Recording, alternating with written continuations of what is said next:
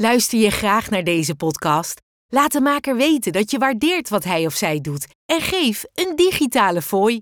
Dat kan zonder abonnement, snel en simpel via fooiepot.com.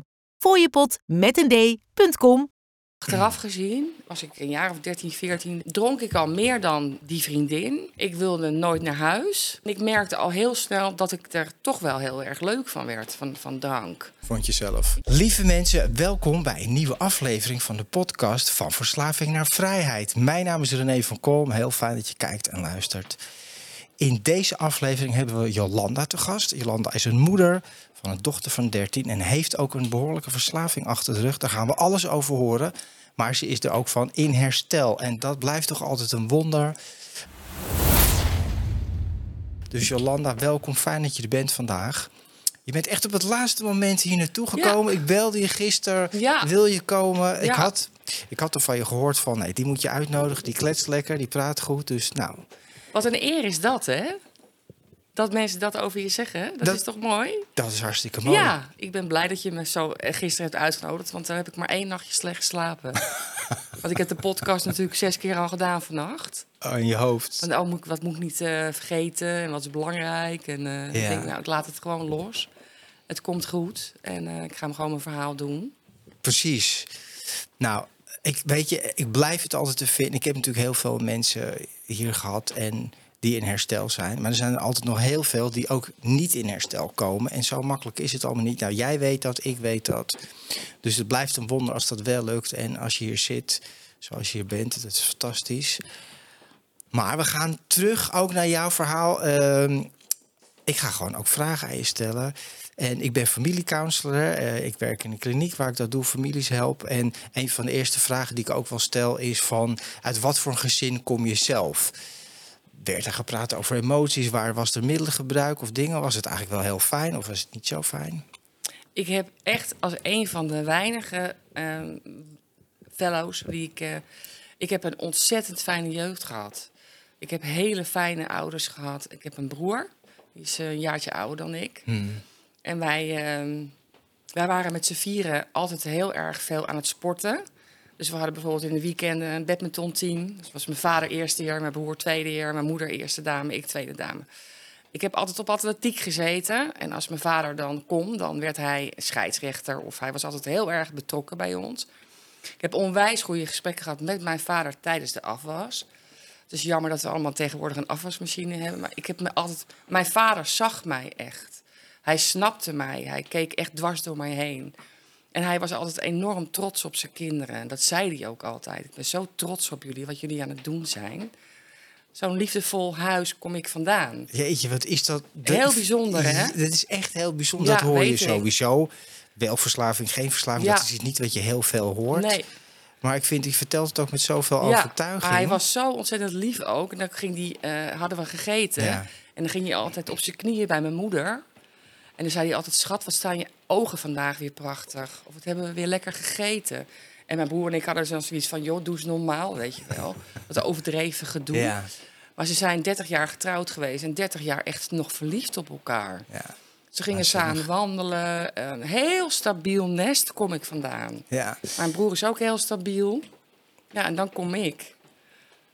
Nou ja, maar Minder stabiel. Ja, maar goed, dat kraakt ook wel weer de theorie. Je hebt heel veel mensen, en het is ook wel zo, die hebben een eh, trauma uit hun jeugd. Of zo'n gezin waar niet gepraat werd, waar je niet gezien bent, waar je niet gehoord bent. En, en dat gebeurt. Maar dat hoeft natuurlijk niet per definitie. Ik heb dit ook al eerder gehoord hè, van mensen die, die zeggen: Ik heb fantastische ouders, liefdevol gehoord, gezien, alles. En toch raakte ik echt in de problemen. Maar goed, dus Ja, hartstikke fijne thuissituatie. Ja, ja, tot ik een jaar of eh, 17, 18 was. Toen ben ik, want ja, mijn moeder en ik, ja, ik was beter met mijn vader. Met mijn, ja, ik heb het idee dat mijn, mijn broer meer met, zijn, met mama. Weet je wel, nou prima. Maar we, hebben, we deden bijvoorbeeld ook, mijn vader had nog van die National Geographic boekjes. Dat Ja, waren ja. vroeger boekjes. Ik ken ze. En dat las hij dan. En dan, ging, dan kwam er een kaart van Amerika op tafel. En zei hij, nou, dat wil, daar, hier wil ik heel graag heen. Die, die sequoia trees. En dat, nou, dat, dat, ging dan aan. Of, eh, nou, dit heb ik gelezen en dit wil ik heel graag zien. En, nou, zo waren we de reis aan het voorbereiden. Daar moesten ze ook heel lang voor werken en voor sparen. Ja. En dan gingen we met z'n vieren naar Amerika. Mijn vader heeft ons de opera laten zien. Eh, ik moest mee naar het concertgebouw. Ik moest, mee naar, ik moest overal mee naartoe. We moesten vooral altijd veel wandelen, want Ja. dat is zijn liefde, naar buiten. Eh, we moesten vroeger ook mee naar de kerk. We waren allebei misdienaar, gevormd en alles en alles. Ja, zondags was er kerk en opa en oma's. En Ja. ja, wa- wandelen in de waterleidingduinen, want die komen allemaal uit Haarlem. Ja, ja, dat ken ik. Dat is hier vlakbij. Ja, dus allemaal heel ehm, stabiel, eh, Ja. liefdevol. Liefdevol, een verbinding. Ja. Eigenlijk alles wat je meestal niet hoort bij als nee, de verslaving overal over kunnen praten. En ehm, ja, nou, toen op een gegeven moment ging ik in de horeca werken. Hoe oud was je toen? Eh, ik denk een jaar of 17, 18. Oké, dat is al best. Tegenwoordig is dat al laat, hè? Dus Ja. voordat je. En daarvoor was je, ja, zeg maar, een brave meid, eh, geen gekke dingen. Nou, ik ging zeg maar met een vriendin van de detailhandelschool, want dat deed ik. Hmm. Want mijn broer deed dat, dus ik deed dat ook maar. Ik had geen idee wat ik wilde. Ik, ja, nu, nu weet ik het een beetje. Ik ben 52 geworden net. Nu weet ik een beetje wat ik wil doen in het leven. Ja. Maar het is mooi, weet je wel, dat pad dat ik mag bewandelen nu. Ehm, ja, ik, ik ging met een vriendin uit de Rijp naar de kermis. Ja. Dat is ook zo'n eh, heerlijk hè, bier, eh, meters bier en dingen. Ja. En daar, daar achteraf gezien, was ik een jaar of 13, 14 denk ik, ehm, dronk ik al meer dan die vriendin. Ik wilde nooit naar huis. Ehm, en ik merkte al heel snel dat ik er toch wel heel erg leuk van werd, van, van drank. Vond je zelf? Ja, ik werd, vond ik zelf. Ik werd er losser van en ik Ja. voelde me zekerder. Ja. En, dus daar is wel een beetje al, als ik nu, als ik nu terugdenk, Terugkijk, daar ja, is precies. wel al een beetje. Want ik wilde ook altijd van die apfelstroedel, troep erbij. Mm. En, en zij ging op een gegeven moment aan de cola en dan had ze het wel gehad. En dat ik Ja. dacht, hoezo? We zijn net begonnen, weet je wel. Hoezo gaan we aan de cola? En dan wilde Ja. ze naar huis of zo. Dat ik dacht, nou, ik wil helemaal nog niet naar huis. Toen was ik best nog wel al heel jong. Ja, en toen dat ik een jaar of 17 ben, heb ik een jaar van mijn leven gegeven in een klooster in Amsterdam op de Warmoestraat. Dat was een jaar maatschappelijk stage, zeg maar. Met ook heel veel werken met drugsgebruikers. Ja. Eh, we vingen s'nachts kinderen op met moeders eh, die mishandeld waren. Mhm. Daar heb ik een jaar van mijn leven gegeven. Mijn kamertje zat op de Bijenkorf parkeergarage. Dat was die, die panden Welke, welke periode heb je het dan over? Eh, wat ik 18 was en ik ben nu 52, dus lang geleden. ja. Kan jij goed hoofdrekenen? Nee, ik zit te denken, want dat Nou waarschijnlijk. maak er 32 jaar geleden van. Ja, maar dat is wel de periode dat ik daar ook rondliep eh, zelf als verslaafde. Ja. Trouwens, ik moet even ja. zeggen tussendoor, mensen, als jullie luisteren of kijken en je hoort, je denkt wat ik hoor, is het regent echt als de pest tijdens deze opname. Ja, daar kunnen we niks aan veranderen. Dus we gaan Accept gewoon the door. things we cannot change. Precies. Ja. Maar in die tijd, inderdaad, ik liep daar rond en jij zat op een kamertje. eh, Nou, ik zat daar in het klooster bij die nonnen. ja, Want mijn moeder zei, ga maar wat voor een ander doen. Dat is goed voor je. ja. Dus ik heb daar heel veel gezien. En ik heb toen al wel gedacht, want ik moest altijd langs de, de, de dames van, eh, hoe noemen we dat? De dames van plezier. Ja, ja, om die het, kindjes naar een school te brengen die daar zat, bij de Mhm. Nieuwmarkt volgens mij. En daar kwam ik dan de echte verslaafden tegen, zwervers. Dat ik, dacht, nou drugs, daar moet ik ver van afblijven. Ja. Nou, toen was ik 18 of zo. Nou, toen dat ik 19 ben, ben ik teruggegaan naar huis. En daar heb ik op een gegeven moment een baan in de horeca gevonden als gastvrouw. Want dat was wel iets wat ik heel erg leuk vond. En het was dan nog eh, eerst een, een jaartje keuken en gastvrouw. Dus kijken van waar, waar ben je, hè, waar ligt je... Nou, dat was gastvrouw. En toen kwam ik in een restaurant te werken bij een alcoholist. En die vond het fantastisch als de koks en bediening na het werk meegingen. Lekker meedronken. Ja, ja. Ja, en daar ben ik wel op een gegeven moment gaan leren drinken. Ja, maar je zei al van dat je herkende van toen je jaar of 13 was, of hè, die leeftijd, dat als je vriendin in de cola ging, dan had je zoiets van, nou, nu begint het pas. Dus Ja, je had je gelijk al, cola? Ja, gelijk waarom? al dat, dat grenzeloze, re- Ja. ja. zonder rem, hè, dat Ja. is ook echt wel een van de tekenen van Ja. herkenning van verslaving. Jazeker. Sommige mensen hebben dat gelijk, sommige mensen krijgen het pas na een tijdje. Maar ik begreep, ik begreep haar ook niet. Nee. Waarom ze wilde stoppen. En ja, ik, ik, ik denk echt dat het ook wel een beetje bij ons in de familie zit. Mijn ouders niet bijvoorbeeld. Maar Nee. mijn opa's, die, eh, nou, die namen hem ook graag, zeg maar. Mhm. Maar ja, ik weet niet waarom ik dat wel heb. Mijn broer heeft het ook niet. Ja, die dat- heeft een eigen bedrijf in, in, in champagnes. De lekkerste champagnes en cava's verkoopt hij. Ja, maar hij drinkt ze niet allemaal zelf op. Nou ja, hij lust het wel ook. Ja? Maar ja, hij, hij heeft er heeft geen probleem daarmee. Hij heeft geen verslaving. Nee, nee, nee. Nee, nee, ja, goed. Dat is natuurlijk, ja, weet je, je komt er altijd te laat achter. Dus dat is het ding met, met verslaving. Je, je weet niet van tevoren, eh, kan ik daar wel goed mee omgaan of niet. Dat, eh, da- daar kom je op zachter als je het gaat doen. Ja. En, En dan het heb je was het ook. natuurlijk ook hartstikke gezellig. Eh, het was leuk. Het heeft heel lang een goede functie voor me gehad. Ja. Klaar. Want ik werd zeker ervan. Ik ging op de bar staan. Kijk eens hoe leuk ik ben. Ik had aandacht. Want dat is wat ik altijd wel graag wilde. Ik wilde wel graag aandacht. Nou, en dat kreeg ik wel. Want daar zorgde ik wel voor. Ja, wat deed je? Was je, was je extravagant Ja. of uitgesproken? Oh God, En, nou, ik, ja. denk- ik had altijd het idee dat ik enorm leuke gesprekken had in de kroeg. Maar ik denk dat ik enorm gebrabbeld heb tegen die mensen. En dat ze op een gegeven moment maar gewoon weggingen. Want het moet nergens op geleken hebben. Maar ik dacht altijd, nou, ik heb een topgesprek gehad. Ja, maar je voelde, maar ik hoor je ook zeggen, ik voel me er toch goed bij. Ik kwam los, ik kon, eh, heel, ik kon ja, meer mezelf zijn dan Ja, of zo. Of ik voelde me echt super als Ja. ik gedronken had. Ja, maar ik dronk altijd meer en sneller dan de rest. Ja. Dat had ik heel snel in de gaten. Had je wel door. Ja, dat wel. Hm. Maar dat interesseerde me niet zo gek veel. Want ik functioneerde gewoon. Ja. Nou, zo ben ik heel lang in de horeca blijven werken. Was er goed in ook. Ehm, tot ik met mijn rug kwam te zitten. Want ik, ik zit met mijn ogen, er zit een virus in. En dat was allemaal... Nou, ik werd afgekeurd voor staand werk. Toen ben ik op een horeca-uitzendbureau gaan werken. Dat leek me wel leuk, want toen woonden we op de Prinsgracht... boven het restaurant waar ik werkte. En toen ben ik gaan werken bij een horeca-uitzendbureau op de Herengracht. En toen merkte ik wel van... nou, ik heb mezelf overal altijd ingeleuterd. Want dat kan me aardig verkopen. Ja. Maar ik had een mbo-diploma en eh, de horeca-diploma dan. En toen dacht ik, nou, ik heb toch wel echt meer nodig. Want ik vind het een heel leuk eh, werk eh, op een uitzendbureau. Maar ik merkte echt van, ik, ik heb meer nodig. En ik ben iemand die praktijk eh, leert. Ik ben heel slecht in boeken. Theorie ben ik slecht in. Herkenbaar? Afgeleid snel. Ja, en, eh, precies. Ja. dus toen ben ik s'avonds gaan studeren. Ik had ook ondertussen mijn- dertiende relatie. Want dat ging ook allemaal de een, de een in, de ander eruit. Was ook nooit een probleem. Ging het uit, gingen we de kroeg weer in. Trokken we er een ander uit. De volgende. Helemaal geen probleem. En, sorry. Toen, eh, toen woonde ik in Wormerveer. Want Amsterdam werd te duur. En er was ook helemaal niks te krijgen toen de tijd. Ik denk dat ik toen een jaar of 25 was of zo. Toen zijn we in Wormerveer gaan wonen. En toen studeerde ik s'avonds, heb ik eh, personeelszaken gedaan. Dus eh, gewoon een hbo. Twee, Ja. twee avonden in de week naar school bij, de, bij Sloterdijk. Ja, en ik sportte heel veel. Dus buiten dat ik elke dag dronk, Kon je het ook... ging ik ook gewoon, ging, kwam ik thuis. Ja. En er werd er gekookt en er moest drank bij. En dan ging ik sporten. Ja. Maar daar had ik helemaal niks van. En dan kwam ik thuis en dan dronk ik nog meer. En dan viel ik om en dan ging ik naar bed.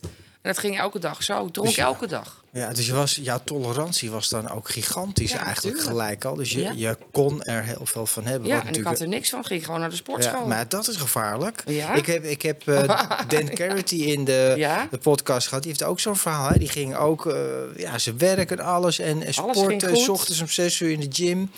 Ja, dan denk je helemaal van, ik heb geen probleem. En, eh, Ja, de groeten. en zeiden er, waren er wel mensen in Nee, omgeving al die zeiden van... Nooit. Hey, Jolanda. Nooit. Of, eh, nee? Nooit. Ik heb nooit iemand, mijn familie niet, niemand niet, zei ooit van doe jij eens normaal. Want als ik op een verjaardag kwam, zei ik skip mij die koffie, doe mij maar een borrel. Ja, Dan wordt het tenminste gezellig. Het was gewoon, het hoorde bij mij. ja. Als ik, als- ik ging wel eens op een, eh, op een verjaardag van een baby en er was er geen drank in huis. Hij geeft ze geen drank in huis. Ik, dat, was voor mij onmogelijk. Dat ik denk, nou, dat- dan, dan blijf ik niet lang. ja, dat zijn toch wel tekens, Ja, hè? ja. Maar ja, achteraf. Achteraf, ja, ja. ja. ja, En dat is natuurlijk, dat blijft het fenomeen. Daar heb ik de laatste tijd over nagedacht. Van, en ik hoor het jou ook weer zeggen van. Hè, eh, denial, je bent in ontkenning. Naar de, maar je bent zelf vooral in ontkenning van je eigen verslaving. Je hebt het helemaal niet in de je hebt het gaten. helemaal echt niet in de gaten. En dat klinkt als een excuus. En dat, zo bedoel ik Nee. het niet. En zo is het niet. Maar wat je aan andere mensen vertelt, je gelooft er zelf ook heilig in. En je hebt het gewoon niet door. En, en je verkoopt jezelf natuurlijk allemaal verhalen. Ik, ik sport nog, ik doe nog dit, ik werk. Dus er is eigenlijk niks aan de hand. Hoe progressief de ziekte is, kom je pas achter als je op een gegeven moment eh, maatregelen moet gaan nemen natuurlijk. Ja, en hoe, dit heb je dus jaren zo volgehouden? Ja, ja dus ik functionerende denk dat ik 25 jaar echt in gebruik ben geweest van alcohol. Ja. Ehm, Maar dat is toch wel heel lang, Jolanda. Ik- dat is hartstikke Zijn er lang. dan geen dingen misgegaan als rijden onder invloed, vallen? Dat, nee? Dat... Ja, dat ga ik je nog Oké, vertellen. daar zijn we nog niet. het ergste komt nog. ja. Dit was allemaal leuk. Maar Tussen eh, aanhalingstekens, ja. ja, nou, toen op een gegeven moment werkte ik als manager werving en selectie bij een bedrijf in Zaandam. Met de secretaresse, de auto van de zaak. Ik deed het goed, want dat was natuurlijk precies zoals ik ook... Hè, dat werd ook een beetje ver- verwacht. Ja, dan doe je het goed. Vaste baan, koophuis. eh, een man toen, denk ik. Ja, vast wel. Ehm, en ik studeerde dan s'avonds. En toen werd ik gebeld door mijn moeder. 29 maart 1999. Je moet naar huis komen. Want er staat politie bij ons voor de deur. Je vader is dood. Nou, daar is bij mij iets gebeurd. Ehm, wat ik slecht kan omschrijven, maar ik ben daar. Hij was ook 52 en ik ben net natuurlijk 52 geworden, dus dat is hartstikke jong. Ja. Hij mankeerde niks. Hij reed op de A9 in zijn auto, want hij werkte bij de Ford. Dus hij ging altijd naar de, eh, naar de Amsteldijk. Ja. En eh, hij heeft, denk ik, 30 jaar bij de Ford gewerkt. En altijd alleen in die auto. Maar papa had een automaat en een cruise control. Ja. Dat gebruikte hij ook. En hij was wel moe. Ehm, en hij maakte... Op die mo- maandagmorgen zat er een collega bij hem, Wim. En die heeft, die heeft dus... Want mijn vader was aan het vertellen... want we waren die dag ervoor naar de opera geweest. Nou, ehm, dat, we dat, het zo fantastisch was. En hij maakte een soort snurkgeluid en hij was dood. Dus Wim heeft die auto nog aan de kant kunnen zetten daar bij Zaanstad. Want die auto had anders gewoon natuurlijk doorgeknald. Hij was gewoon licht uit. Gewoon batterij Klaar. ook klaar. Ja. Ja. Nou, dat heeft mijn leven veranderd. Ehm, toen moesten we naar Beverwijk om hem die te identificeren, zeg Ja. maar. Van, nou, dit is papa. En hij zag er fantastisch uit. Zo van, nou, word maar weer wakker. Want ja, Hij ja, hij was niet ziek. Hij was, hij was lange afstandwandelaar. eh, Ja. Heel onwerkelijk. Ja, dat, is, eh, Ja. dat was zo'n shock voor ons allemaal. Want wij zijn allemaal, waren we heel goed met, met papa. Ja. Ja. en toen ben ik gaan drinken om, om te verdoven. Toen werd het echt een problematisch iets, maar niemand vond dat gek. Nee, natuurlijk. Dat, Dat ik toen meer wel. ging drinken. Ja.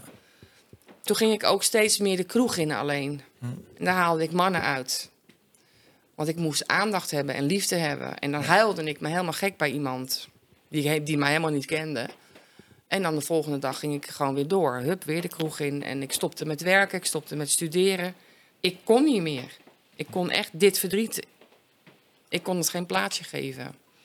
Miste je vader. Zo, Ja. zo.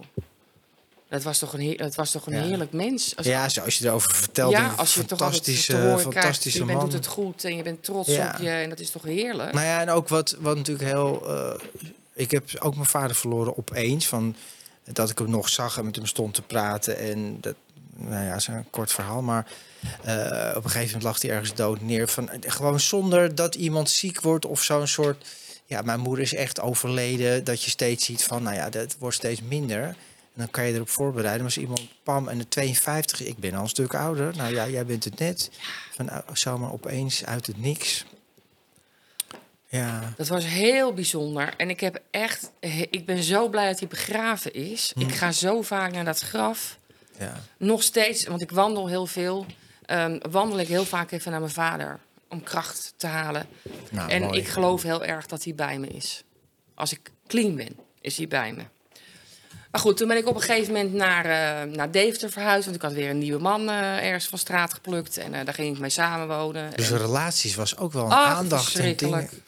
Ook, ook verslavingsgedrag Ja. eigenlijk. Ja, ja, ja, ja. kon niet alleen zijn. Geen dag. Er moest altijd iemand bij.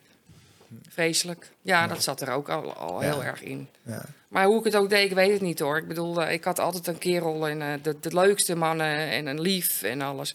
Maar ik vond het altijd van die man. Ik zeg, jij is, eh, ik ben best wel bij de hand. Ja, dat merk ik.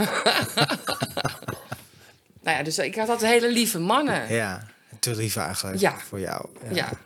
Niet draaide ik natuurlijk zo. eh, Ja. Niet dat ik dat nou zo graag wilde, maar ik vond het altijd vrij snel saai. ja. Banen trouwens ook. Vind ik ook vrij snel saai. Leven vind ik ook vrij snel saai. Nou, maar dat herken ik ook ik wel. heb vrij veel uitdagingen. Ja, maar het is ook een stuk verslaving. Ja, ik herken tuurlijk. dat van, van vroeger. Mijn grootste nachtmerrie was een gewoon leven. Ja, burgerlijk. Wat, wat natuurlijk waanzin is, want ik, ik, ja, voor zover ik nu een gewoon leven heb, maar een regelmatig leven met s'nachts slapen, gewoon eh, met mijn vrouw waar ik heel tijd samen mee ben. En, en f- ja, het is fantastisch. Maar vroeger leek me dat verschrikkelijk. Ja. Weet je wat? Een saai leven. En s ochtends in die file en Ja. al die dingen. De- nou, dat, dat leek me. Ja, goed.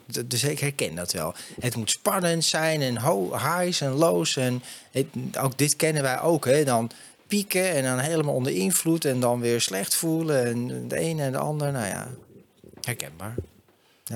En toen zijn we op een gegeven moment eh, in Deventer, was het toen eh, dat 9-11 verhaal. ja, En toen dacht ik dat de wereld verging of zo. En toen zei ik, ik wil heel graag nog naar Australië. Dat leek me gewoon eens heel mooi om daar eens naartoe te gaan. ja. En toen zijn we een paar maanden in Australië met een camper geweest. Want ik had mijn huis in Wormerveer heel goed verkocht. Dat was toen nog allemaal, eh, trouwens nu ook weer, maar toen ook. En toen kwam ik thuis. Eh, ik had trouwens daarvoor ook nog baarmoederhalskanker gehad. Omdat ik zo verschrikkelijk veel verschillende mannen had gehad. Oké, En dat is niet, dat is niet handig ook. nee, nee. Dus daar was een eh, baarmoederhals weggehaald. Dus de gynaecoloog had tegen mij gezegd... nou, je kan nog kinderen krijgen, maar ik zou niet te lang wachten. Dus toen wij terugkwamen uit Australië... mocht ik weer naar de gynaecoloog. En die zei van, wanneer ben je voor het laatst ongesteld geweest? Ik zeg, nou, het was daar 40 graden. Het is hier min 2 eh, tijd geleden. En toen bleek ik dus al vijf maanden zwanger te zijn. Oh, wauw, dat wist je helemaal niet. Ja, ja. Maar ook in Australië was het natuurlijk ehm, ja. gezellig. Daar moest ook natuurlijk elke dag gedronken worden. Klaar. Ja, ja, ja. Dus ja, ehm, nou, mijn dochter is geboren. We hadden toen op een gegeven moment hadden we eh, weer een huis in Alkmaar gekocht. Want ik wilde toch wel re- redelijk dicht bij mijn moeder wonen. Dus toen is David er meegegaan naar Alkmaar. De vader van mijn dochter, Merel. Mhm. Je hebt één dochter. Eén dochter, die is nu bijna 21. En ehm, ja, dat, dat Merel zeg maar drie werd, heb ik gezegd tegen de vader van Merel. Ik, eh, ik doe het wel alleen. Hm. Hij was knap, hij is knap, maar nou ja, goed. Je had niet die Ja, klik, die klik met hem of die echte Nee. liefde? Nee, nee, nee, Nee. nee. nee, We hadden één ding gemeen. Ja, en dat was drinken. Ja. Ja, ja. Dus kan je zeggen, jullie waren al twee alcoholist? Ja. ja, ja. ja. Dus jouw dochter heeft dan ook wel wat, hè? We hebben het over naasten van verslaafd, tenminste ik vaak. Maar Ja. die heeft dat... En hoe lang, hoeveel jaar heeft zij, heeft je dochter dat meegemaakt? Nou, dan spoelen we even vooruit, maar Mijn drinken, ja, haar hele leven. haar hele leven, ja.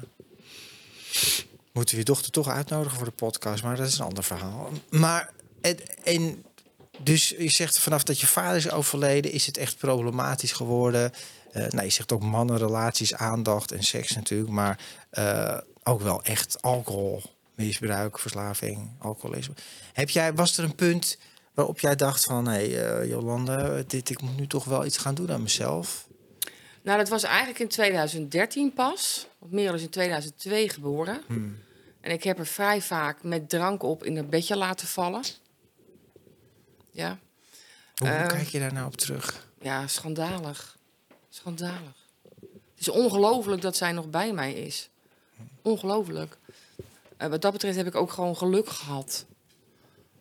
Maar omdat wij allebei dronken en, en niemand daar ooit wat van durfde zeggen misschien... Ja, dat kan ook. Ja, Ja. dat ze misschien mij over zich heen kregen. Ehm, ja, dat was, het, het is schandalig als je zo... eh, Nou ja, schandalig. Maar het is, dat is natuurlijk ook wel klinkt als een oordeel. Maar het is ook, ik heb natuurlijk ook heel veel dingen gedaan. Ook met mijn zoon heb ik ook laten zitten. En nou ja, ik kan er wel een paar opnoemen. Maar het is ook heel, heel pijnlijk. Hè? En je kan het nooit meer veranderen. Maar als je terugkijkt, is dat, ja, het blijft, het blijft lastig, vind maar ik. toen niet. Toen had ik nog steeds niet het idee dat ik een verslaving had. Nee, ik werd, er, mo- er moest gewoon elke dag gedronken worden. Ja, Maar ik ging naar mijn werk en ik had een schoon huis. En eh Ja. Merel ging naar de kinderopvang. En we hadden alle twee een auto en alles zag en er... ondanks je haar, je zegt laten vallen of dat je... Ja, dat liet ik dan wel eens. Als ik, de, als ik er in het bedje deed, dat ik er liet vallen bijvoorbeeld. Dat Ja. te veel gezopen had. Of ik flikkerde met feestjes in de tuin, weet je wel. Er ging er altijd eentje op de, op de snuit en dat was ik. ja. En, Lang en, leven de lol. en je kind ziet dat natuurlijk ook. nou, hè. toen was ze nog heel klein. Ja, maar ze, nou ja, goed, maar ze maken het toch Ze voelt Hè, dat ze heus voelen wel. Het, ze zien het, die energie van. maar ik, ik bedoel, ik hoor het van meer mensen. Als je geen referentiekader hebt aan hoe het dan anders is. Want je hebt maar één mama, zo is het. En daar ben je loyaal aan, ben je trouw aan. Ja, maar ik ben zo'n eh, egoïst in gebruik. Niemand kan mij eh, van mijn middel afhouden. Ja. En, dan, en op een gegeven moment moest ik echt... eh, dan, zei, dan had, had ik wel eens iemand die zei van... nou, ik gooi alles weg. Hoor. Maar als je dat godverdeed... Zo egoïstisch. Alles moest zoals ik het wilde en wanneer Ja. ik het wilde. En niemand kwam daaraan. Ja. Dus daar was ik ook heel eh, stellig in. En, en bij de hand in. Niet aardig, geen aardig mens. Nee, dat zal wel. Nee. Nee, dus je was niet de leukste als je dronk alleen maar. In het begin was je nog gezellig, zei maar later was je ook heftig. Nee. Het is al tien jaar niet meer gezellig, Nee. was het. Nou, en toen in 2013 ging ik uit, want de Merel ging dan één keer in de twee weken Mhm. bij de vader. Ehm, en mijn vriendin was mee en die was al lang al naar huis. Die had het al gezien. En ik dacht, ja, maar ik ben nog helemaal nog lang niet klaar. Ik wil blijven. Samen uit, samen thuis gaat het voor mij ook niet op. Mm. Want ik heb het naar mijn zin. Ik had leuke mannen om me heen. Geen idee. En ik stap op mijn fiets en aan de andere kant lazer ik eraf. En toen kwam er een auto aan. Dus ik heb een engeltje op mijn schouder, want die had zo over mijn hoofd kunnen rijden. Iemand heeft me daar vandaan geplukt. Die heeft me ook naar huis gebracht. Ehm, ik kon de, de wc niet halen. Eh, en toen dacht ik, volgens mij heb ik wel een probleem. 2013, is tien jaar geleden. En dan ben ik nog, nu pas, 18 maanden clean en sober. Ja. Het heeft zo verschrikkelijk lang geduurd voordat er bij mij eens een keer die overgave kwam, dat dit ego eruit geramd werd. Dat hebben ze bij de 12-stappenkliniek voor elkaar gekregen. Zo, daar waren ze niet bang voor mij. Nee. Daar was ik niet gewend. Daar zeiden ze gewoon eventjes Jolanda Uiting, hè? kop dicht, luisteren jij. Hallo? Ja, als je altijd met mensen omgaat die aardig voor je zijn en lief voor je zijn en zeggen Ja. ja, namen, Ja, dat gaat hem niet worden. Ja. ja, dan leer je natuurlijk Nee, eh, in principe niet zoveel. En dan merk je, jij bent sterk, je bent een sterke nou, vrouw, verbaal sterk. Nou ja, zo kom je wel over. Ja. Dus, eh, en je laat je ook niks vertellen. Maar goed, ik, ik was. Ik heb niet op die manier, maar ik liet me ook niks vertellen. Dus eh, ik, ik, vertelde, ik vertelde, ja, ja, nee, je hebt helemaal gelijk. En ja, nou, ik deed gewoon heel wat anders. Komt op hetzelfde neer. Maar toen, je had, je zei, je bent van je fiets gevallen. Toen had je zoiets van, nou, ik heb wel echt een probleem. En ben je toen Ja, eh, toen gelijk bij, aangemeld bij, ja, een, eh, bij mijn een... kliniek. Dus je bent naar een gewone hulpverlening instantie gegaan. Ja. En, maar daar vonden ze toch niet Nee. slecht genoeg om, wat natuurlijk... Ja, dat, Ja, dat belachelijk. Maar, ja, maar ik bepaalde de- dus weer dat ik dus niet op bed hoefde. Ik ging op stoel. En bed was dat je dan zeg maar in de kliniek verbleef. En stoel was dat je gewoon naar huis ging. Ja, ja, ja, Dat komt ook omdat mijn dochter natuurlijk tien jaar was. Ja. En ik een alleenstaande moeder ben. ja. Dus ik kon niet zomaar een half jaar weg. En wat zeiden ze dan tegen? Moest je helemaal stoppen ermee? Moest je minderen? Hoe zag dat eruit, hun programma? Weet je Mm, dat Volgens nog? mij moest ik daar toen wel helemaal mee stoppen. Er werd ook wel op een gegeven moment dat je moest blazen en zo. Ja. Maar ehm, ja, ik ben er toen wel uitgegooid omdat ik alcoholvrij bier in de koelkast had, geloof ik. Ja. Want dat ging ik dan drinken. ja, dat is niet handig als je alcoholist bent. Nee, Het staat nu ook niet in de koelkast. dat hoop ik niet. Nee, dat klinkt gek, want sommige mensen kunnen het wel en anderen kunnen dat niet. Maar als je alcohol, alcoholist bent en alcohol is jouw ding, is het gewoon een grote trigger om alcoholvrij bier. Dat moet je gewoon niet doen. Nee. Maar mm, dus, nou ja, zo heb je, denk ik, heb je meerdere hulpverleningstrajecten gehad? Ehm, ja, ik ben, eh, ik ben toen een jaartje, denk ik, clean geweest. Ook weer op wilskracht. Nou, maakt niet uit. Maakt Dat, niet eh, uit. Ik heb een psychologe gehad. ehm, Van allerlei dingen geprobeerd. leefstijl, training. Ja. Ja. Nou, daar bleef ik ook niet clean bij. Nee. Maar ik denk dat het allemaal niet zo gek voor uitmaakt wat je doet. Als je niet de 100% die overgave hebt en de intentie hebt. Ik wil hier echt mee stoppen. Dan kan je iedere cursus pakken die je wil. Ja. En elke keer naar de klinieken gaan. Dan gaat het niet, dan gaat het niet werken. Mhm. Ehm, en toen ben ik zes jaar geleden voor het eerst weer naar de fellowship gegaan. waar Ja, ik een 12 programma. Ja. ja, nou, en ik wist dat het daar was, Ja. bij de breider. Op zondagmorgen 11 uur vond ik een mooie tijd. Een meeting. Ja. En daar heb ik twee jaar en twee maanden op wilskracht ben ik clean geweest. Ik deed niks aan de stappen. Ik belde één keer in de week eens een keer mijn sponsor als ik er zin in had. Dus je deed Op mijn manier. ja, op jouw manier. Ja, ja, op toch. mijn manier, Ja. of niet. ja, ja, ja. En toen kwam de... Maar ja, dat, dat is wel, wat je zegt, is belangrijk. Want heel veel mensen lukt het niet. Maar dat heeft ook daarmee te maken. Ja. Die doen dan een beetje wat aan Ja. hun herstel. En Ja. dat werkt dus niet. Nee, Nee. ik deed één meeting in de week. Ja, dat, dat is veel te Ik las niks, ik deed voor de rest niks. Want eh, ik dacht, nou ja, maar op wilskracht. Nou ja, goed. En dat is, kijk, jij zegt het zelf al, maar ik zeg ook tegen mensen: je kan, je kan wel zeggen, ja, je moet daarmee stoppen. Maar als je daar niet echt wat voor in de plaats terugkrijgt, ja, dat gaat natuurlijk niet werken. Want je raakt alleen maar iets kwijt wat toch een functie had. Ja, zo simpel is het. Zeker. En zo moeilijk is het ook. Nou ja, toen kwam de epidemie. epidemie Ja, de Ehm, COVID-pandemie. de Ja. COVID-pandemie. En toen ben ik meteen eh, teruggevallen. Ik, want ik had geen enkel verweer. Ik had helemaal niks, geen, geen poppetjes. Er lag geen fundament, niks. Nee. Dus het was het heel snel. Maar de laatste paar maanden van mijn gebruik... ehm, ja, en dat vind ik altijd heel emotioneel voor mijn dochter ook... ehm, werd ik suicidaal. Ik werd boos. Ik werd zo vreselijk boos. Ik was zo gefrustreerd dat ik weer gewoon elke avond lam was. Ehm, want ik heb tussendoor ook nog borstkanker gehad. Het is een wonder dat ik hier zit. Hè? En dat heeft mijn dochter ook allemaal mee moeten maken. Toen was ze tien. En toen hebben we samen maar een pruik uitgezocht. En hebben we samen. En we, zijn met z'n tweetjes, hè? Dus Ja. eh, met die chemo's en alles. Ik werd ook meteen afgekeurd na die, na die chemo's, omdat die zo zwaar was. Ja. Maar die borstkanker was ook weer gel- ge- gelinkt aan alcoholmisbruik. Ja, En toch zei ik in de auto terug van het ziekenhuis: ik blijf gewoon roken en drinken. En niemand zei: zou je dat nou wel doen? Ja. Of ben je niet goed bij je hoofd? Of omdat ik zo. ver- Ja, Ja. spoor je wel. Ja, Je hebt nou twee keer kanker gehad. ja. Ja, het is dus, komen er steeds meer achter dat dat enorm gerelateerd is. Hè. De laatste tijd zie je ook in nieuws dat eh, alcohol en kanker een direct eh, verband heeft. Ja. Maar ja, goed. En ik stond gewoon met mijn chemohoofd, met een peuk en een Ja, borrel. ja. Want ik moest het hebben. Ja. Die egoïst in mij is echt heel erg als ik in gebruik ben. Het, ik ga door de, door, de, door de ramen heen, jongen. Als ik dat niet krijg, dan word ik helemaal gek. Zo sterk was het. Ik moest gewoon hebben. Ja, maar ja, dat is echt wat het is. En ik bedoel, ik herken dat ook. Hè. Bij mij was het niet anders. Maakte misschien wat minder lawaai dan jij, maar het komt op hetzelfde ook om, neer. eh, om de kater weer een beetje, om weer een beetje tot leven te komen, moest ik het hebben. ja. Zo En- smiddags. En gebruikte je, was het, ja, was het alleen alcohol of was het ook drugs? Alleen alcohol. Ja. Maar ja, goed, dan moet je. eh, om de kater moest je eigenlijk weer drinken. Dus dan Ja. zat je op een gegeven moment in een, in een echt een fysieke, lichamelijke verslaving, afhankelijkheid. Ja, maar als je natuurlijk alleenstaande moeder bent en, en mijn dochter was nog klein en ja, dan zit je alleen thuis 's avonds Ja. in, in je flat. Ja, ehm, niemand die mij tegenhield natuurlijk. Heb jij gesprekken met je dochter? Want ze is nu 21, dus al een Bijna grote, 21. bijna ja, ze, 21, ik heb heel veel gesprekken met mijn dochter. En ze weet alles van dit. eh, Alles weet ja, ze. Ja. En hoe gaat zij daar dan mee om? Dat ben ik toch echt benieuwd naar. Zij is heel erg blij dat ik naar de kliniek ben gegaan. Maar ze heeft dus, eh, want omdat ik dus zeg maar zo suicidaal werd Ja. en ik heb echt met een mes op mijn polsen gestaan. Ik heb gedacht, weet je wat, als ik niet uit het web van verslaving kom, hoeft het van mij niet meer. Mm.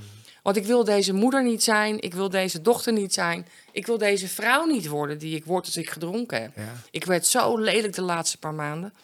Zei ik tegen Merel, ga maar weg, ga maar ergens anders wonen. Ik ben toch geen goede moeder, ik wil toch dood. Ja. Dat heb ik zo vaak geroepen. Heftig hoor. Mijn kind heeft daar echt trauma's van. Dat Ja. kan niet anders. En toen op een gegeven moment op 22 maart 22 eh, kwam mijn broer met mijn neef. En die kwamen om een uur of zes. En dat wilde ik helemaal niet, want dan was ik eigenlijk al klaar Mhm. voor die dag. Want ik dronk altijd in de middag. Want ik werk in de ochtend. Ik ben wandelcoach. Ik mag mensen begeleiden met een eetverslaving. Ja, bijzonder. Ja, dus Ja. dan al die maskers moesten op. Ja, dan- En dan rook je het niet, zag je het niet aan mijn ogen. Dan kon ik het net 's morgens kon ik dat werk doen. Ja. En dan kon ik smiddags weer beginnen, zeg maar. Maar ik had die zondag voor dinsdag 22 maart gebeden echt naar iets of iemand. Papa, denk ik in mijn geval. Help mij. Ik wil dit leven niet meer. Ik wil dit niet meer. Als je er bent, weet je wel, help me. Ja. En toen die dinsdag kwam mijn broer en mijn neef. En ehm, toen zei mijn broer, wat ben je nou toch aan het doen, zus, met je leven? Je hebt zoveel overwonnen en je bent alleen maar aan het zuipen. Waarom doe je dat? Ik zeg, Mars, ik zit vast in die verslaving. Ik kom er niet uit. Wat ik ook doe, ik kom er niet uit. Ik moet het hebben. En ik wil wel dood. Ik zie het niet meer zitten. En toen brak Merel en die zei, mama, ik wil nog helemaal niet zonder jou. En het, maar het raakt me altijd. En die heeft zoveel met me meegemaakt. En die kanker en die chemo en alles. En ze is bij me gebleven. En ik heb alles weggesopen altijd. Maar zij kon dat niet. En toen heb ik, werd ik eerst heel boos op ze. En toen zei ik, joh, weet je wel, waar bemoei je je mee? Ik heb toch alles en het gaat toch goed? En heb ik toch schone kleren aan? En toen op een gegeven moment dacht ik... Jullie hebben helemaal gelijk. Heb je overgegeven Jullie uiteindelijk? hebben ja. helemaal gelijk. ik ga me meteen inschrijven bij een kliniek. En ik wist dat het een goede kliniek was in Voorthuizen. En ik zat daar donderdag of maandag meteen ben gegaan. En ik heb sindsdien niet meer zelf nagedacht, eigenlijk. Dat ego hebben ze er daar echt uitgeramd. Tot drie keer aan toe dacht ik, jezus mina, hoe durven jullie dat tegen mij te zeggen? ja. En zij zeiden, wat ben jij ziek? Wat ben jij ziek dat je je, dat je, je kind dat aandoet? Nou, mijn ogen zijn daar open gegaan, joh. Ja. Wat ben ik daar een paar keer tot het... Oh, Ja, dit, tot ontploffen aan toe. En dan kreeg ik Merel aan de telefoon met een, met een eh, systeemgesprek. En dan Ja. zei ze, mama, ik mis je en ik hou van je. En dan denk ik, hoe is, het, hoe is dat mogelijk? ja, maar ja, dat is... Hoe is dat Ja, mogelijk? maar ze houdt van jou, degene die je echt bent. En, en kinderen zijn ontzettend loyaal aan je. Hè, aan, aan hun ouders, gelukkig maar. Maar Ongelooflijk. Nou ja, en, en eh, dan kom je thuis en dan begint je herstel. Het, ik kon natuurlijk ook een maand weg, omdat Merel nu 20 is. Dus die kan, die kan thuis blijven alleen. Ehm, En, en wat raakt mij ook als je het allemaal zegt, denk jeetje, het is zo heftig hoe ver het moet gaan voordat we ons overgeven van ik weet het niet, ik kan het niet, zeg maar wat ik moet doen. Dat heeft bij mij, het heeft ook 30 jaar bij mij geduurd, hè, voordat ik, ik probeerde toch altijd er langs te komen. Ik deed 60%, misschien 70%, maar nooit 100%. Dat ik dacht, ja, maar dat ga ik niet doen. Ik weet het toch allemaal beter. Het moet zo ver gaan, dat breken eigenlijk van je mind. Hè. Jij zegt of je ego, je eigen wil op dat stuk waar dat verslavingsstuk zit. Ja. En eh, wa- wat, wat betekent nou, want we hebben het vaak over herstel, maar er zullen ook mensen zijn die kijken en luisteren die denken, ja, maar wat, wat betekent nou eigenlijk herstel? Hoe, hoe, hoe zie jij dat? Wat is herstel? Herstel is voor mij harder werken aan mijn herstel dan werken aan mijn verslaving. Want ik werkte ook heel hard voor mijn verslaving. Ik werk heel hard voor mijn herstel. Ehm, herstel is voor mij vrijheid. Het is voor mij echt ehm, er kunnen zijn voor de mensen waarvan ik hou. Ja. Eindelijk. Eindelijk heb ik het door. Ehm, wat ik ook heel erg mooi vind aan herstel, is dat ik het egoïsme, wat ik zo heb als ik in gebruik ga. Ja, ik ben misschien nog wel egoïstisch, maar dat mag er ook nog uit. Dat ik, je mag aan jezelf gaan werken. Ik mag eindelijk Jolanda Huiting worden die ik behoor te zijn. En ik ben eigenlijk gewoon een heel lief, heel onzeker mens. Geloof me nou maar. Maar ehm, je mag eindelijk tot naar de kern van jezelf. Wie ben jij? En ehm, ik heb al die zooi niet nodig, weet je wel. Ik heb geen cocaïne nodig, ik heb geen alcohol nodig, ik heb geen seks nodig om die innerlijke rust, want dat is waar ik hem vind zitten bij mij, die kalmte. Ehm, dat vind ik zo fantastisch dat ik die vrijheid en die rust eindelijk ervaar van die obsessie is eruit. Dat ik elke dag maar bezig was. Waar heb ik het gisteren gekocht? Heb ik wel genoeg? Welke glasbak was ik gisteren? Al die maskers af. Oh, Wat verschrikkelijk. wat een ramp. Ja. Wat ja, een je ramp. omschrijft het wel heel mooi, hè? Die, die rust zoeken, het egoïsme. En daar, daar, dat heb ik al vaker gezegd. Ik heb wel eens gezegd, verslaving is de ziekte van ik. Hè? Het gaat alleen maar ik. Het gaat alleen maar om mij, wat ik voel, wat ik wel wil, wat ik niet wil, wat ik vind. En gewoon dwars over alle Ja. mensen hun grenzen heen gaan daarmee. En herstel is natuurlijk het tegenovergestelde. Maar ja, dat gebeurt ook niet zomaar. Hè? Dus ja, volgt ook nog meetings en je bent actief. Ik zie allemaal dingen voorbij komen op Facebook en Jolanda in herstel. Dus je helpt ook andere mensen er nu mee. Ja, ik dacht, hoe ga ik dit keer... Want ik ben natuurlijk al honderd keer gestopt en al honderd keer weer begonnen. Ja, Hoe ga ik dit keer nou echt in herstel blijven? Ik denk, ik ga het allemaal opengooien. Schadebrieven van Merel. Ook alles wat ik eerlijk voel. Dat ik gewoon kutdagen heb. Dat ik het heel lastig heb soms. Maar ik zie nu, doordat ik sponsor ben van een paar hele lieve vrouwen... ja. zie ik nu dat... ehm, ik zie mezelf ook echt als twee Jolanda's. De verslaafde Jolanda en de gezonde Jolanda. En die gezonde Jolanda wordt elke dag... mag die een, een stapje groter worden. Doordat ik s'morgens wakker word en als eerste dankbaar ben dat ik wakker mag worden. Clean en sober. Dat alles het nog doet. ja. Ik zeg altijd, als, ja, dat is niet Nee, is zo. vanzelfsprekend. Nee, ik weet het. En je mag het. douchen en het is een vijf. Ja. En je mag schone kleren aan. Ik mag naar mijn werk. Ik heb een huis. Hebben nooit honger. Dan heb je al een acht of een negen te pakken en dan mag je dag nog beginnen. Ja, ja, het is mooi. Vind ik echt zo mooi. Je zegt, en je dochter is er nog steeds. En mijn bij kind je is nog bij me. houdt van je. En mijn dochter studeert pedagogiek in Amsterdam. En ze helpt nu meisjes met verslaafde ouders. Het is, Hoe krijgen ze dat voor elkaar? ja, nou ja, juist. Die is sterk. Ja, ja, Maar ze heeft zoveel ervaring met het ja. op eieren lopen. En nu zegt ze ook, mama, ik ben moe. Ik ben moe. ja. Want ze altijd, als ze thuis kwam, moest kijken hoe zit mama erbij.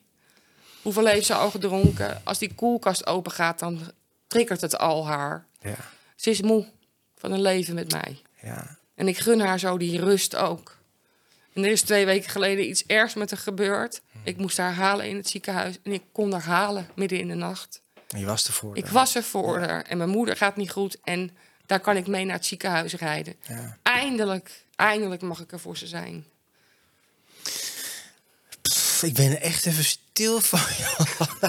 ik heb al best veel podcast gedaan, maar deze komt toch wel echt binnen jouw verhaal. Jeetje, joh. Het is, ja, en, en ik herken ook heel erg wat je zegt. Eigenlijk alles ervan. Ehm, ik heb ook, hè, toen mijn moeder stierf, die heeft negen jaar voor mijn clean-tijd meegemaakt. Maar ze heeft echt, toen ze in het ziekenhuis was, echt, echt stervende was, dat we echt wisten. Ze kreeg een hersenbloeding en daar kwam ze niet meer bovenuit. En dan weet je op een gegeven moment, ze was 89 nou. Maar ben ik gewoon die afgelopen dagen alleen maar bij haar geweest, naast haar geslapen. Ik heb gebeden, ik heb... eh pff, dan moet ik zelf emotie de hand vastgehouden, maar ik kon ervoor dus zijn, weet je. Want ik weet gewoon in mijn verslaving, ik was er langs geweest en ik was gaan scoren en ik was daarna wel eens teruggekomen Omdat jij of het niet. moeilijk had. Nou ja, of gewoon dat ik wil, moest gebruiken, weet Ja. je. Dat is, het is bizar hoe het werkt, maar Dat nou, brengt herstel mee. ja, ja, dat je er voor andere mensen kan Eindelijk. zijn. Ja, en dus dan ook voor jezelf. hè. En het ook heel mooi. En ik, ik hoop dat iedereen dit eh, me- meeneemt in zijn eh, dag. Ook die niet verslaafd is. Wat jij zo mooi zegt. eh, je hebt een huis, je hebt een douche, je hebt schone kleren. eh, je kan wat eten en je hebt een baan. Dan begin je eigenlijk al met, wat zei je? Met een acht. Ja, met een acht. Ja, Ja, dan Maar moet je staan we helemaal niet best, daar staan we toch helemaal niet best stil. Ik zeg het elke keer met mijn wandelgroepen. Ja, Als we een soort yin-yang moment hebben, maak ik daarvan. Dan zeg ik, zijn we al, hè, zijn we al Ja. bewust van hoe rijk we het hebben dat alles het nog doet. ja. Ik weet hoe het is om met chemo in bed te liggen. Alleen heb ik het altijd allemaal weggezopen. Alle gevoelens, ook als het... Ik denk dat ik gewoon na mijn chemo's zo'n andere vrouw ben geworden. Want ik was altijd wel aardig om te zien. En nu heb ik echt zo'n chemokop. Ik heb natuurlijk altijd slecht voor mezelf gezorgd. In de zin, te veel gezopen, te veel gerookt, te veel kook gesnoven. Daar knapt een mens ook niet van op. Nee, niet echt. Dus ik heb maanden ook niet durven lachen. Want die chemo heeft me echt gesloopt. Want ik werd ook gelijk afgekeurd. Ik hoefde nooit meer wat te doen. Is ook niet goed voor een verslaafde Nee, trouwens. natuurlijk niet. Nee. Ik heb Nee. drie jaar op de bank gezeten. Ik kreeg hormonen ingespoten. Want ik had een eh, hormoongevoelige tumor. Mijn lymfen waren eruit. Zaten ook vol met kanker. Ik dacht, ik ben klaar. Ja, ik ga is- dood, twaalf jaar geleden. Ja. Dit, was, dit was mijn leven. Ja. Nou, ik heb een kindje op de wereld gezet en dan hebben we het wel gehad. Meer heb ik niet echt Mhm. gedaan, zeg maar. Nou, en dat was dus ehm, ook weer een soort van... Daarop mocht ik ook weer gebruiken, want dat was zielig. Tuurlijk. Ja. Dus weet je, alles gebruikte ik om aan te pakken. En daarom heeft net nooit iemand tegen mij durven zeggen van... Jeetje, joh, doe jij eens even normaal. Ja, ja maar, maar, maar dat is iets wat. Dit gebeurt zoveel dat. Ook als je van iemand houdt, is het heel moeilijk. Maar ik zeg altijd: als je echt vrienden bent of je houdt van iemand, moet je ook wat tegen ze kunnen zeggen. Juist. Maar ga maar tegen mensen zoals jij en ik praten. Nou, succes ermee. Ze willen niks horen, nemen niks aan. En jij bent gek en bemoei je er niet mee. Dus je krijgt gelijk de, de, een hele kanonnenvuur terug van, van eh, woorden die. eh, nou ja, waar je niks mee kan. Je moet natuurlijk allemaal afhouden. Maar het is ook gewoon bizar dat mensen het ook niet doen. Hè? Dus zo lang niks tegen jou gezegd hebben, terwijl je ook zo ziek was. Ja, het is zeker een wonder dat je hier nog zit. Maar ook mooi, Jolan, want je hebt wel echt iets te vertellen. Ook aan andere mensen. En eh, je raakt ook andere mensen. Je raakt mij ook met je verhaal, echt. Wat ik zo bijzonder vond, was dat ik 90 dagen clean en sober was. Ja, En toen zei ik tegen mijn dochter, Merel, we gaan een, eh, een tattoo zetten. Ik vind mezelf ook echt een badass hoor. En ik zeg, waar wil jij hem? Wil jij hem ook op je hand? Toen Ja. zei ze, mama, ik wil hem onder mijn, onder mijn rechterborst. Want daar heb jij borstkanker gehad. Ja, jullie zijn wel echt een team ook.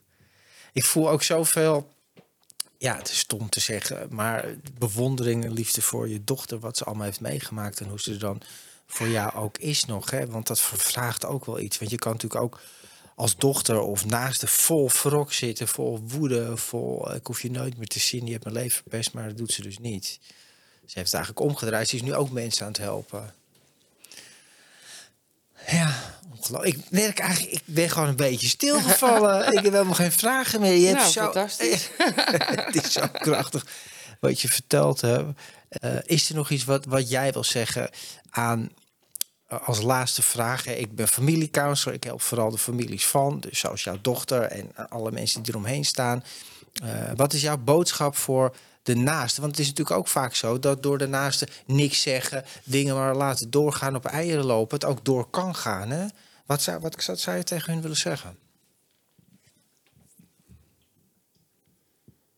Ja, ik denk dat mijn dochter sowieso niet tegen mij op, op durfde. Helemaal niet als ik in gebruik was. Dan moest je, dat moet je dan echt niet tegen mij zeggen. Ehm, Maar in, in algemene ik denk, zin. ik denk, en dat, ik weet het wel zeker, dat ik echt moest knakken. Ook al heeft mijn dochter die interventie met mijn broer geregeld. Ja. Want als ik toen niet was geknakt, was ze bij me weggegaan. Zij, heeft, zij heeft uiteindelijk wel de stap genomen. Maar ik denk ook, ik ben nu 18 maanden clean en sober. Doordat ik Jolanda in herstel heb en heel veel met mijn herstel bezig ben. ehm, en ook naar buiten treden mee van jongens. eh, kijk, het is mogelijk om in herstel te komen en een leuk leven te hebben. Bijzonder leuk leven te hebben zonder troep. Ja. Ehm, dat houdt mij ook scherp. Daarom ben ik het ook begonnen. Want ik wil niet stoppen daarmee. En omdat ik het ook heel leuk vind om te doen, die filmpjes maken. En ik wil heel graag moeder voor Merel blijven zijn. Maar ik denk echt dat een naaste zelf voor zichzelf moet m- heel, heel voor zichzelf mag gaan zorgen. Ja.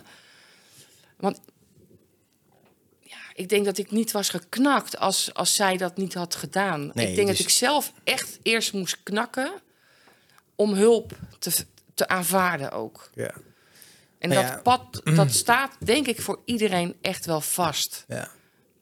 Nou ja, goed, het ging toen heel fout met jou. En zij heeft toen wel gezegd van... Hè, ze heeft je naar een kliniek geschopt, zei je nog Ja. even voor de opname. Ja. Dus ze heeft toch wel op een gegeven moment ook een interventie... of hoe je het ook wil noemen, stappen gezet. Maar het had een jaar daarvoor, Ja, had ze dat gedaan, had ik gezegd, dan ga jij toch lekker weg. ja. ja dat kan. Het is ook Ja. het moment, ja, dat klopte allemaal bij elkaar. Ik geloof echt, net zoals ik nu de cursus Clean en Nuchter Leven mag geven met Ja. mijn oude sponsor.